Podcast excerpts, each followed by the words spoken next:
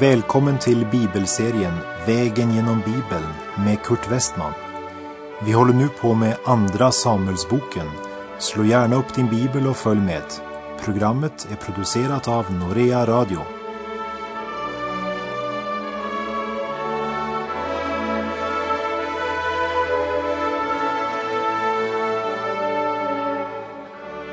I det förra programmet vandrade vi genom Andra Samuelsbokens 22 kapitel som innehöll en tack och lovprisningssalm av David där han prisade Herren för hans trofasthet. Herren gör mitt mörker ljust, sa David. Herren lever. Lovad vare min klippa. Davids tacksägelsesalm är i högsta grad ett personligt vittnesbörd. Och efter denna psalm där David tackar och prisar Gud följer så kapitel 23 som är Davids avskedsord, ett andligt testamente med profetisk lyftning. En programförklaring för kommande kungar av Davids ett. Andra Samuelsbok kapitel 23 och vers 1. Dessa var Davids sista ord. Så säger David, Isais son. Så säger den man som blev högt upphöjd, Jakobs, Guds smorde, Israels ljuvlige sångare. Vers 1 säger fyra ting om David. För det första, David var Isais son. Isai höll på med fåravel. Han var en bonde från Betlehem och David skämdes aldrig över det. Utan han deklarerar klart David, Isais son. För det andra, David blev upphöjd och utvald att sitta på Israels tron. Och det var det Gud som gjorde. Det var inte något som David en dag kom på att han hade lust till. Men Herren sände sin profet till David därför att Gud hade utvalt David. Och det tredje, han blev smord av Jakobs Gud. Den Jakob som var bedragaren men som av Gud formades till Israel. I Första Mosebok 35, vers 10 läste vi och Gud sade till honom, ditt namn är Jakob. Men du ska inte mer heta Jakob utan Israel ska vara ditt namn. Så fick han namnet Israel. Han eh, var Jakob men blev Israel. Gud gör oss till något annat än vad vi är av naturen. I Johannes evangeliets första kapitel får vi höra hur Andreas tar med sig sin bror Simon till Jesus. Och då ser Jesus på honom och säger, du är Simon, Johannes son. Du ska heta Kefas. Det kunde också ha varit översatt du skall bli Kefas. Det hebreiska Kefas är detsamma som det grekiska Petros eller Petrus som vi säger i Sverige. Petros betyder klippa. Det vill säga Jesus säger att Simon ska bli en klippa. Och det Jesus sa blev verklighet i Simons liv. Vägen dit var allt annat än smärtfri för Simons del. Den gick genom nederlag och tårar, men det gick som Jesus hade sagt. När han som själv är ordet talar, då kan vi verkligen lita på det som blir sagt. Gud gjorde Jakob till Israel. Han gjorde Simon till en Petrus och det är samma Gud som upphöjer David och sätter honom på kungatronen. Och det är den samme Gud som har frälst mig och samme Gud som frälst dig. Han är nådig och barmhärtig, kärleksfull och god. Han har makt att förvandla och vi kan lita på det han har sagt. Sådan är vår Gud. Han som lever, vår klippa. Och det fjärde som vers 1 säger om David är att han är Israels stora sångförfattare. Han skrev många salmer, men ingen av dem är väl så känd som herdesalmen Herren är min herde. David var en man som älskade sång och musik. Och jag måste säga att det gör jag också. Även om inte jag delar hans talang när det gäller skrivande, så blir det en och annan dikt ibland eller en liten sång.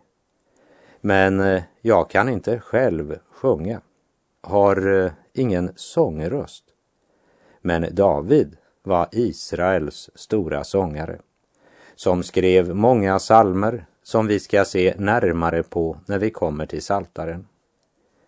Personligen så sätter jag också stort värde på god sång och musik. Men den starkt rytmiska musiken och rockmusik vill jag knappt kalla för musik. Och jag sörjer över att sådana toner har förts in i kyrka och församling. Johannes 6.63 säger det är anden som ger liv. Köttet är till ingen hjälp. Och i Galaterbrevet 5.17 Ty köttet söker det som är emot anden och anden det som är emot köttet. De två strider mot varandra. Men eh, köttet kan vara nog så religiöst, bara det får det som det har lust på. Men köttet blir aldrig andligt. Musik är inte något neutralt. Och det är inte all musik som lyfter själen och uppbygger vårt andliga liv. Andra Samuelsbok kapitel 23 och vers 2. Herrens ande har talat genom mig och hans ord är på min tunga. Herrens ande kom över David. Ja, så var det att det gick till att David skrev sina salmer. Och Petrus skriver och säger att det är det sätt på vilket människan nedtecknade det gamla testamentet. Petrus andra brev kapitel 1, vers 20 och 21. Framför allt ska ni veta att ingen profetia i skriften har kommit till genom någon människas egen utläggning. Ty ingen profetia har burits fram genom någon människas vilja utan ledda av den helige Ande har människor talat vad de fått från Gud.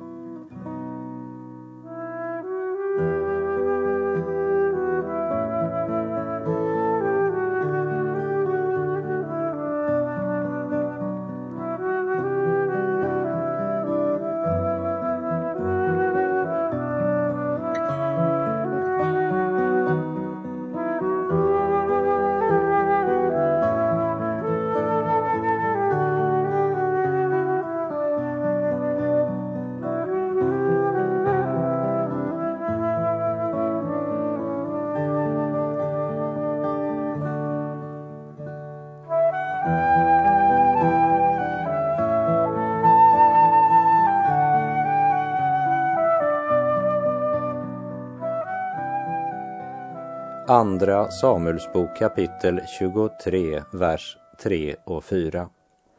Israels Gud har sagt så. Israels klippa har talat så till mig. den som råder över människorna rätt, den som härskar i Guds fruktan. Han är lik morgonens ljus när solen går upp, som en morgon utan moln, då jorden grönskar genom solsken efter regn. Det är ganska uppenbart att de flesta politiska beslut idag, oberoende av vilket parti det är, är inte beslut gjorda i Guds fruktan, men eh, av fruktan för väljarna. Vår regering, vad den än för tillfället måtte bära för namn, gör inte något för att styra landet efter Herrens vilja. Men egoismen och synden har format en kultur utan Gud. Och i en sådan kultur vänder de flesta Gud ryggen och självlivet, jaget, blir hjärtats centrum. Det är nog många som önskar sig en plats i riksdagen. Men vi behöver människor som regerar i Guds fruktan och som har mod att kalla synd för synd. David säger att den som härskar i Guds fruktan, han är lik morgonens ljus när solen går upp som en morgon utan moln, då jorden grönskar genom solsken efter regn. Och det är faktiskt ett av de mest anmärkningsvärda uttalanden som David någonsin gjorde. Du minns kanske att jag sa i Andra Samuelsbok kapitel 7 att det var ett av Bibelns största kapitel. För i det kapitlet gjorde Gud ett förbund med David. Och på det löfte Gud gav David i Andra Samuelsbok kapitel 7 så vilar det kommande riket där Kristus skall härska. Och detta löfte innehöll också för David ett löfte för kommande generationer av Davids släkt. Gud lovar att sända Messias av Davids släkt. Och löftet om Messias är det löfte som Gud också gav till Eva efter syndafallet. Och den samme Messias fick Abraham löfte om och även Isak och Jakob. Det var honom Moses talade om. Även Josua talade om honom och Guds förbund med David gäller honom. Och vi läser i vers 5. Ja, är det inte så med mitt hus inför Gud? Han har ju upprättat med mig ett evigt förbund, i allt stadgat och betryggat. Ja, visst skall han låta all frälsning och glädje växa upp åt mig. Vad David egentligen säger är, jag och mitt hus är inte värdiga. Det är inte något vi har mottagit på grund av egen förtjänst. Detta blev inte mitt,